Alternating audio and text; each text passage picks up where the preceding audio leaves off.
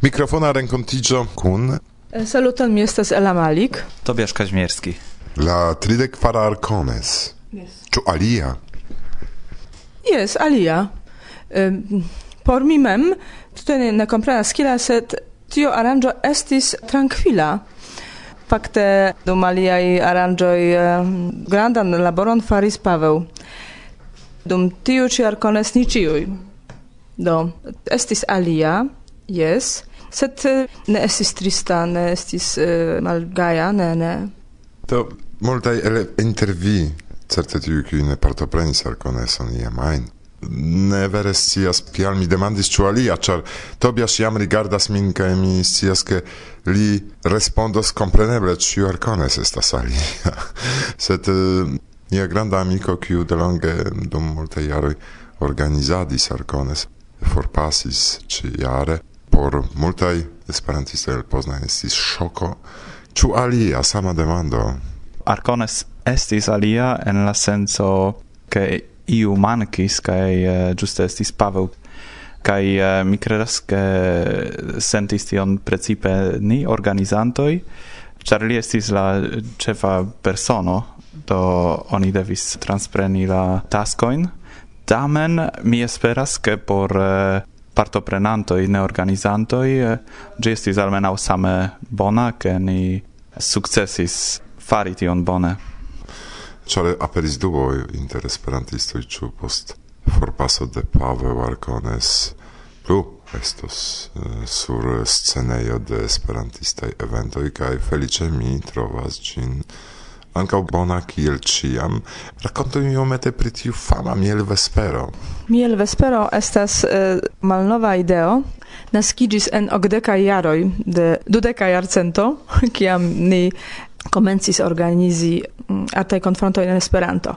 Do, ni poloj generale, ni ŝatas gastigi gastojn, do dum unuaj arkonesoj ankaŭ ni volis fari tion, sed eh, en tiamaj jaroj vendejoj estis eh, malplenaj, estis nek dolĉaĵoj nek ne alkoholaĵoj sed estis medo. Medo estas trinkebla mielo estas speciala vino de mielo kaj per tiu ĉi medo ni gastis niaj partoprenantoj dum unuaj arkonesoj kaj tio ideo restis. Hodiau tiu trinkebla mielo estas eh, io signo de nia aranjo mi ne konas eh, alian aranĝon, kiel same ĉiujare organizantoj gastigas partoprenantoj. Tia maniere ni diras do venu, ni amas vin. Do ciam mi repetis iam rimarca o critice che recones havas unu malfortan francon che estas semain fina aranĝo kaj por esperantistoj kiuj loĝas malproksime Estas peno veni por semain fino nur cae cesti tiun intensivan arangion, cer mi ne malcasas che mi sentas min tre laca, mm -hmm. ne nur pro tio che programo estis interesa sed ankaŭ pro tio ke mi ne dormis. Sed tamen oni povas plani pli longan viziton en Pollando kaj arkomnesestu tiu ĉerizo sur torto kiel en nia lingvo oni diras, kio okazis ĉi jare en programo. Do se mi comenzus menci cion, cio ocasis, ne sufficius tempo, mi ancao ne volas enfasi unuopain programeroin, char eh, ni tractas ciuin eh, egale, kai eh, ni dankas al ciui contribuantoi. Yes, estas nur semain fina aranjo, kai pro tio ni ricevas uh, in plendo, in ke ach, mi ne poas iri al ciui programeroi, kai tiel plu. Sed uh, tion ni tractas kiel laudon, compreneble ni certe ne faros unu semainan aranĝon, ĉar tio estus tro por ni, sed ni ĉiam instigas homojn eh, resti pli longe laŭeble. Eh, kio okazis? Okazis eh, pluraj prelegoj Estas artaj konfronto en Esperanto, sed prelego estas divers temaj, do temas pri arto, sed estas pluraj sciencaj kontribuoj danke al la prelegantoj kaj studentoj de la interlingvistikaj studoj ĉe AMU kai uh, eh, alia kategorio estas eh, uh, movadai prelegoi kiui traktas esperanton uh, movadon ankaŭ esperantologiaj do tiu estas kaj sciencaj kaj movadai kai fine estas artaj prelegoi uh, ofte pri literaturo prezento de novaj libroj kaj generale pri kulturo esperantista sed uh, ne nur esperantista. Vespere kai nun estis fakte plurai concertoi ancau dumtage, kai ciam uh, ni strebas ke estu ne nur concertoi de artistoi vaste conata en Esperantujo. Do mi creas ke tio estas juste karakteriza por Arcones ke ciam estas iu concerto kiu estas uh, speciala aparta ne nepre concerto de esperantistoj sed io tre fresha ciare mi aparte gioias pro contribuo de Pacon Cune, kiu estas eh, nova projekto, fakte tute nekonata al esperantistoj, sed ankaŭ aliaj koncertoj estis eh, tre bonaj. Mi scias, ire, ke via parte ĝojis eh, pri koncerto de Guillaume, sed ĉiuj estis bonaj, mi esperas. Do, multaj personoj fakte adiałis nin do, gis venonta, gis venonta, do, venos, venonta. Jest, tridek kvina arcones ni esperas, ke ni sukcesos organizi. Ciam temas pri la loco. Do, sukcesos. Do kion aldoni bonvenon al la tridek kvina.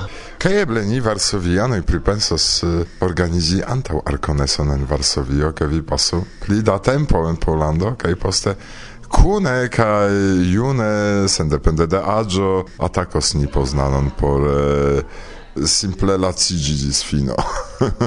Kaj tion mi al vi, al ĉiuj aliaj vere bondeziras. Do korandankon pro arkones. Grandan dankon ankaŭ po tiu ĉi parolado nia. Ĉion bonan. Varsovia vento bla bla bla.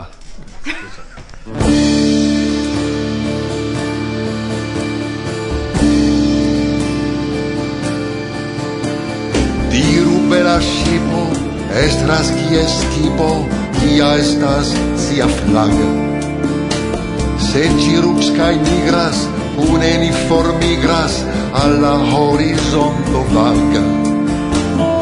Ove, ove, ove, ove, ove, ove, ove, en la scipo. Ove, ove, ove, ove, ove, ove, ove, en la scipo. Via scipo hordo, bordo contra bordo, forbuscita via de vento. E gliberi cos rompos galel fatoj heliĝos tuj grandmaten. Oh,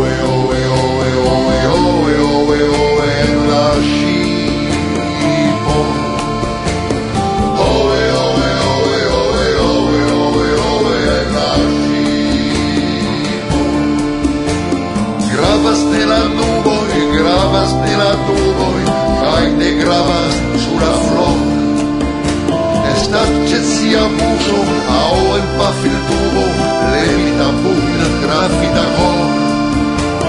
Poi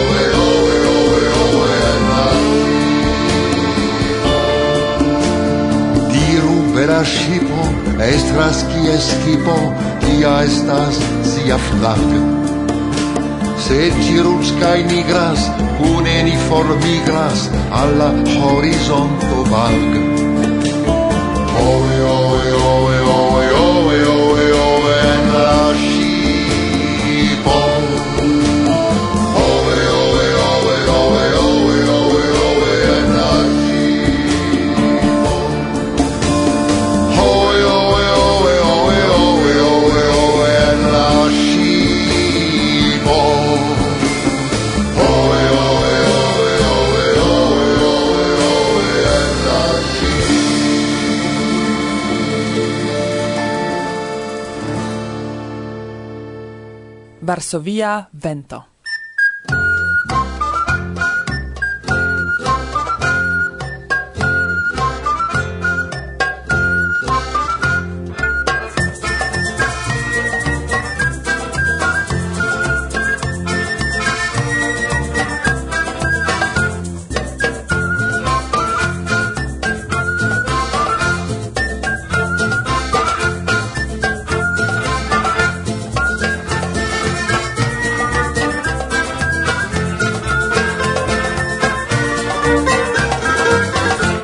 Saluton.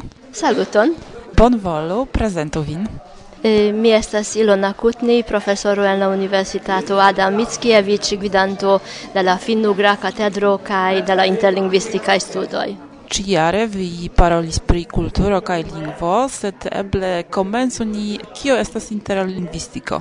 Do eble por tio ne estas tempo ke mi difinu kio estas interlingvistiko, Ti estus eĉ plej bone demandi profesoron Vera Barandoska Frank, kiu gvidas kadre de la interlingvistikaj studoj la studobjekton interlingvistiko kaj tiel enkondukas la studentojn pri tio. Do la interlingvistikaj studoj fakte estas eble nomo kiu kiu povas esti komprenata en vasta senso, do sub interlingvistikon metas ĉion kiu rilatas al planlingvoj, al Esperanto kiel la pleje funkcianta planlingvo kaj ankaŭ en tute la lingvan problemon kaj kiel malvasta tereno, ĉu ne, ni komprenas nur planlingvistikon, do interlingvistiko kiel planlingvistiko estas studobjekto ene de la interlingvistikaj studoj kaj la interlingvistikaj studoj studoj kiel vasta tereno entenas eh, diversajn eh, flankojn de komunikado, eh, ni donas ankaŭ en kondukon de ĝenerala lingvistiko kaj ni prezentas Esperanton sub diversaj aspektoj de literaturo, de lingvistiko, de historio. Via prelego estis ĉu lingvo povas krei kulturon, do kiel estas? Jes, tio estas iom eh, incita eh, demando, ja ofte oni riproĉas al esperantistoj, ke Esperanto estas eh, nur strukturo, planlingvo ne havas kulturon malantaŭ si kai normale ce la etnai lingvoi kulturo kai lingvo iras manen mane do ili reciproke influas unu la alian kai kune evoluas. Ce planlingvo vola ne vola unua ekestas eh, la lingva strukturo kaj poste per helpe de la adeptoj de la planlingvo kiu konsistigas lingvo komunumon eh, ekestas la kulturo de tiu lingvo komunumo kiu poste speguliĝas en la lingvo mem. Mi pensas ke tiu artaj konfronto en Esperanto estas bona ekzemplo ke tiu lingvo havas sian propran kulturon. Eh, yes, compreneble, char Arcones presentas la artan flancon, do estas multe da musico, un homoi tre shatas, eĉ vesper dancado aliĝas al tio, de tempo al tempo estas filmoi au teatrajoi, kiu donas iun gamon pri la arto. Eh, compreneble, ni ne havas ciuin spezoin de arto, sed exemple, nun ni havis anco iun presentadon de juveloi, kai anko tiu estas artai objektoj. Ĉu vi povas ion diri pri la nuna universitata grupo kiu eh, ĉi tie studas? Jes, la nuna grupo estas jam la sepa en la vico. Fakte en la pasinta jaro ni festis la dudek jariĝon de la studoj. Verdire tio estas la dudek unua studjaro kion ni komencis nun kaj eh, tiu ĉi grupo startis antaŭ unu jaro kun eh, vera internacia consisto. ancora nun ni havas homojn el Azio. Tio estas la unuan eh, fojon, ke estas partoprenantoj el Ĉinio kaj el Koreio. E, krome ni havas partoprenanton eh, el Brazilo, kiu en la antaŭaj grupoj estis sufiĉe multaj, nun ni havas unu, iun el Usono kaj kompreneble en Eŭropo, el Francio, el Germanio, Rusio kaj eĉ unu polan partoprenanton mi havas, kio fakte ne estas tiom bona afero, mi tre volus estus pli da polaj partoprenantoj, ĉar por polo estas la plej simpa vojaĝi al Poznano, ĉu ne? Kaj la nuna grupo estas tre bona por fari komparojn inter la kulturoj kaj lingvoj de diversaj mondopartoj, kiel Okcidento kaj Oriento renkontiĝas. Kaj mi pensas, ke pro tio ankaŭ indas veni, ĉar tio bonaj momentoj donas al la grupo. Ni faris tiun komunikadajn ludojn kiel nia metakomunikado diferencas kai dum linguistica e eh, lezione ni povas kompari ankaŭ la lingvajn strukturojn. Kiom da homoj eh, kutime partoprenas en tiu ĉi unu grupo? Edo nun ni jam estas en la dua jaro, la studoj daŭras tri jarojn uno unufoje dum la semestro oni devas eh, efektive fizike aperi, intertempe kompreneble heime eh, labori. Kai nun en la dua jaro ni havas dek partoprenantojn ancora unu kiu nun ne povis veni do dek unu. Kaj mi tre speras ke ili sukcesos ĝis la fino viziti la kurson kai ankaŭ fari siajn diplom laboraĵojn. Do mi volas ankaŭ mencii, ke estas tre bona kunlaboro inter eh, la universitata studo do scienza aranĝo eh, kaj la organizantoj de Arcones do tio movada flanko ĉu ne tion mi povas mencii kaj ekde la komenco de ekde dudek jaroj ni harmonigas nian sesion en la universitato kaj tiam kiam ni finas vendrede vespere tuj komencas Arcones.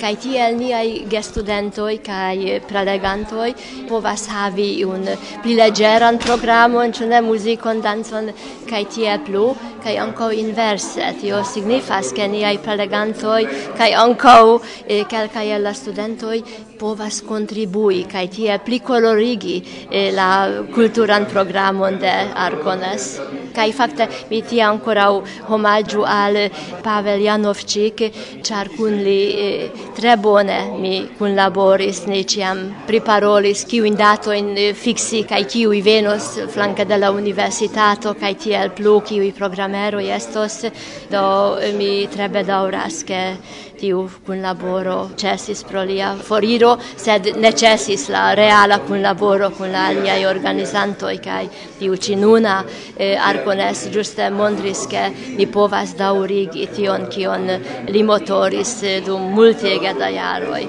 Ĉu vi volas saluti? Oh, e, mi povas eh, ciuin saluti, ciu ne? Kaj eh, kore bonvenigi al eh, Poznan, al Arcones, au al la instruista treinado, kiu okazos post unu jaro. Jam nun vi decidu, ke post unu jaro oni povas aligi nur por unu jara studado, kiu fakte estas la tria jaro de la universitata studado kaj por la universitataj studentoi la instruado estas unu el la specialigioi, kaj al tiu de la eh, universitataj studentoi eblas aligi, kaj tiel havi vere en internacia rondo tre bonan fakan instruistan programon. Tion gvidas Katalin Kovac kiu estas nia vojaĝanta metodikistino kaj krome ciam estas interesaj prelegoj aliaj por la universitataj studentoj kiu kiujn la aliĝintoj de la instruista trejnado povas eh, same partopreni. Dankon pro la intervjuo. Dankon kaj ĝis revido en Poznań.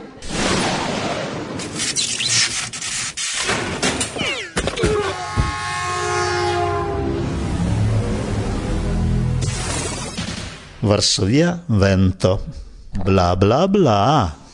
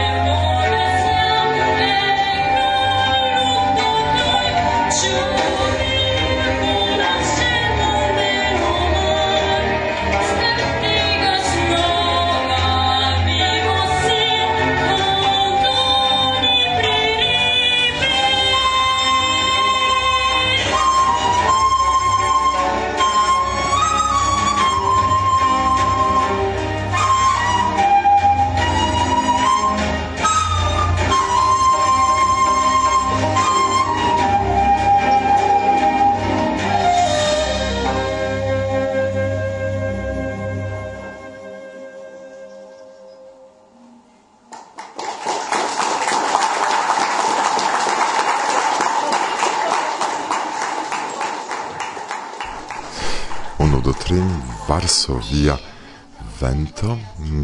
Hodio mi partoprenis matene, frumatene por mi la deca. eh, interesan spektaklon. Estis fakte koncerto spektaklo, kie mi vidis koreanoin.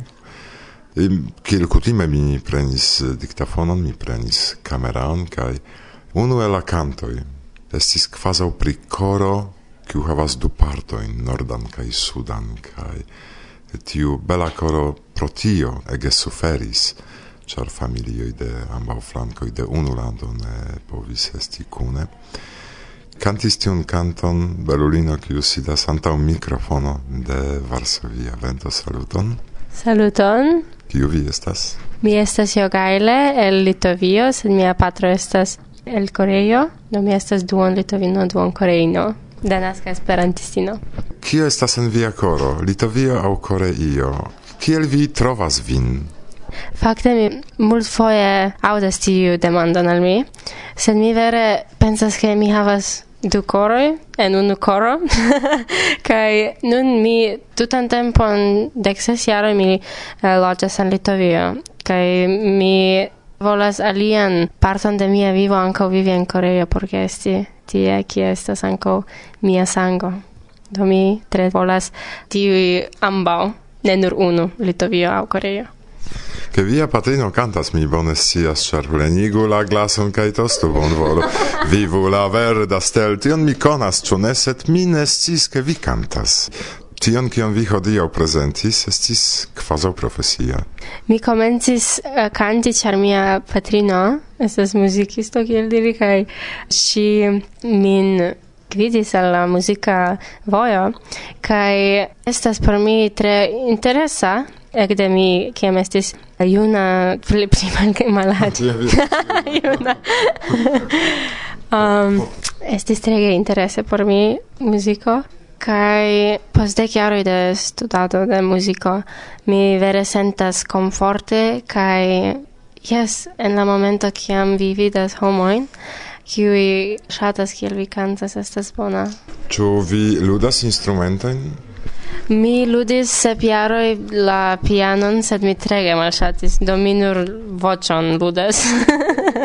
trege malŝatis pianon. Kaj via patrino ludas gitaron perfekte. Yes, kaj mi ankaŭ volus lerni gitaron. Eh, do patrino venu kaj eh, bonvolu prezentiĝi.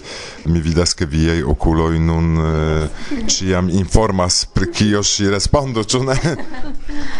Saluton, mi estas Vida kaj Si forgesis nur diri tion, ke mi mem estas piano instruisto, sed si ne ŝajtis ludi pianon. Preferas kantadon. junulino estas tre bela bildo junulino kun piano, ĉu ne? Do boatado bedaŭrinde ne ne praktika, ĉar piano sur boato estas iom komplika. Kial vi decidis eh, hodiaŭ prezenti kortuŝajn kantojn? Do se oni parolas pri Koreio malfacile estas ne paroli pri politiko, pri sufero de la duoninsulo. Kaj vi estas tre proksime ŝajne anime de tiu ĉi afero.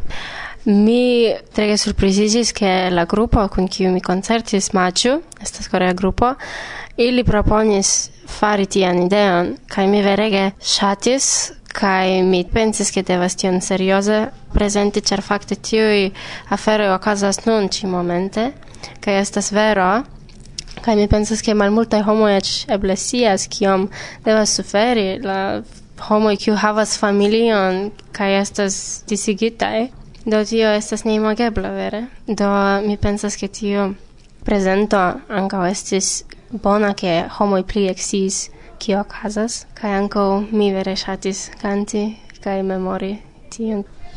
Tre interese, ĉu ne knabino kiu tiel saĝe parolas eh, pri...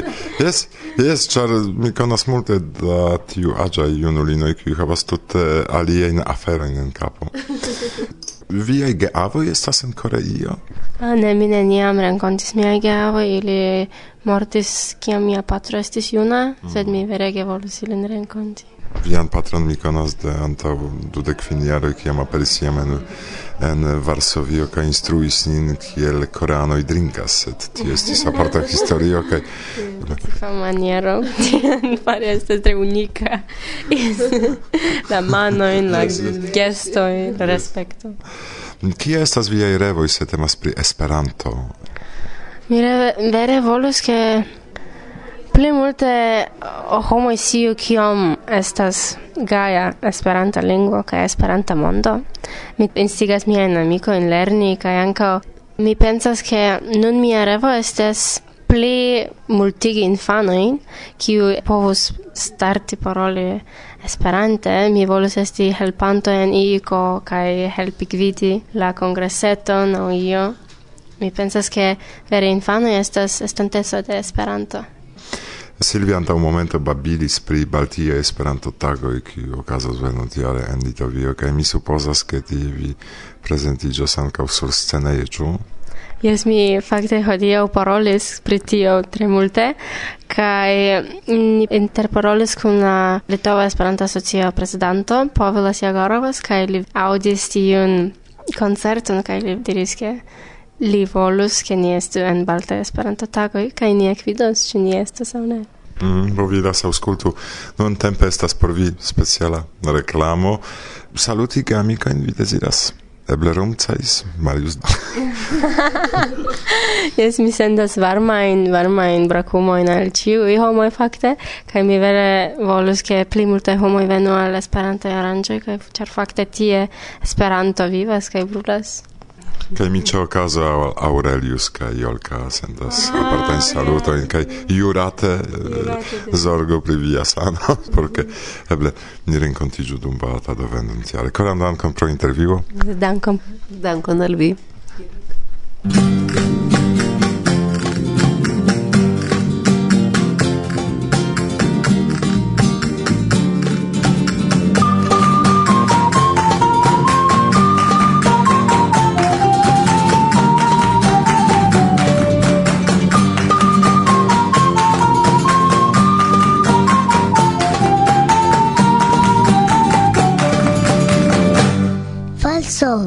vento, bla bla bla.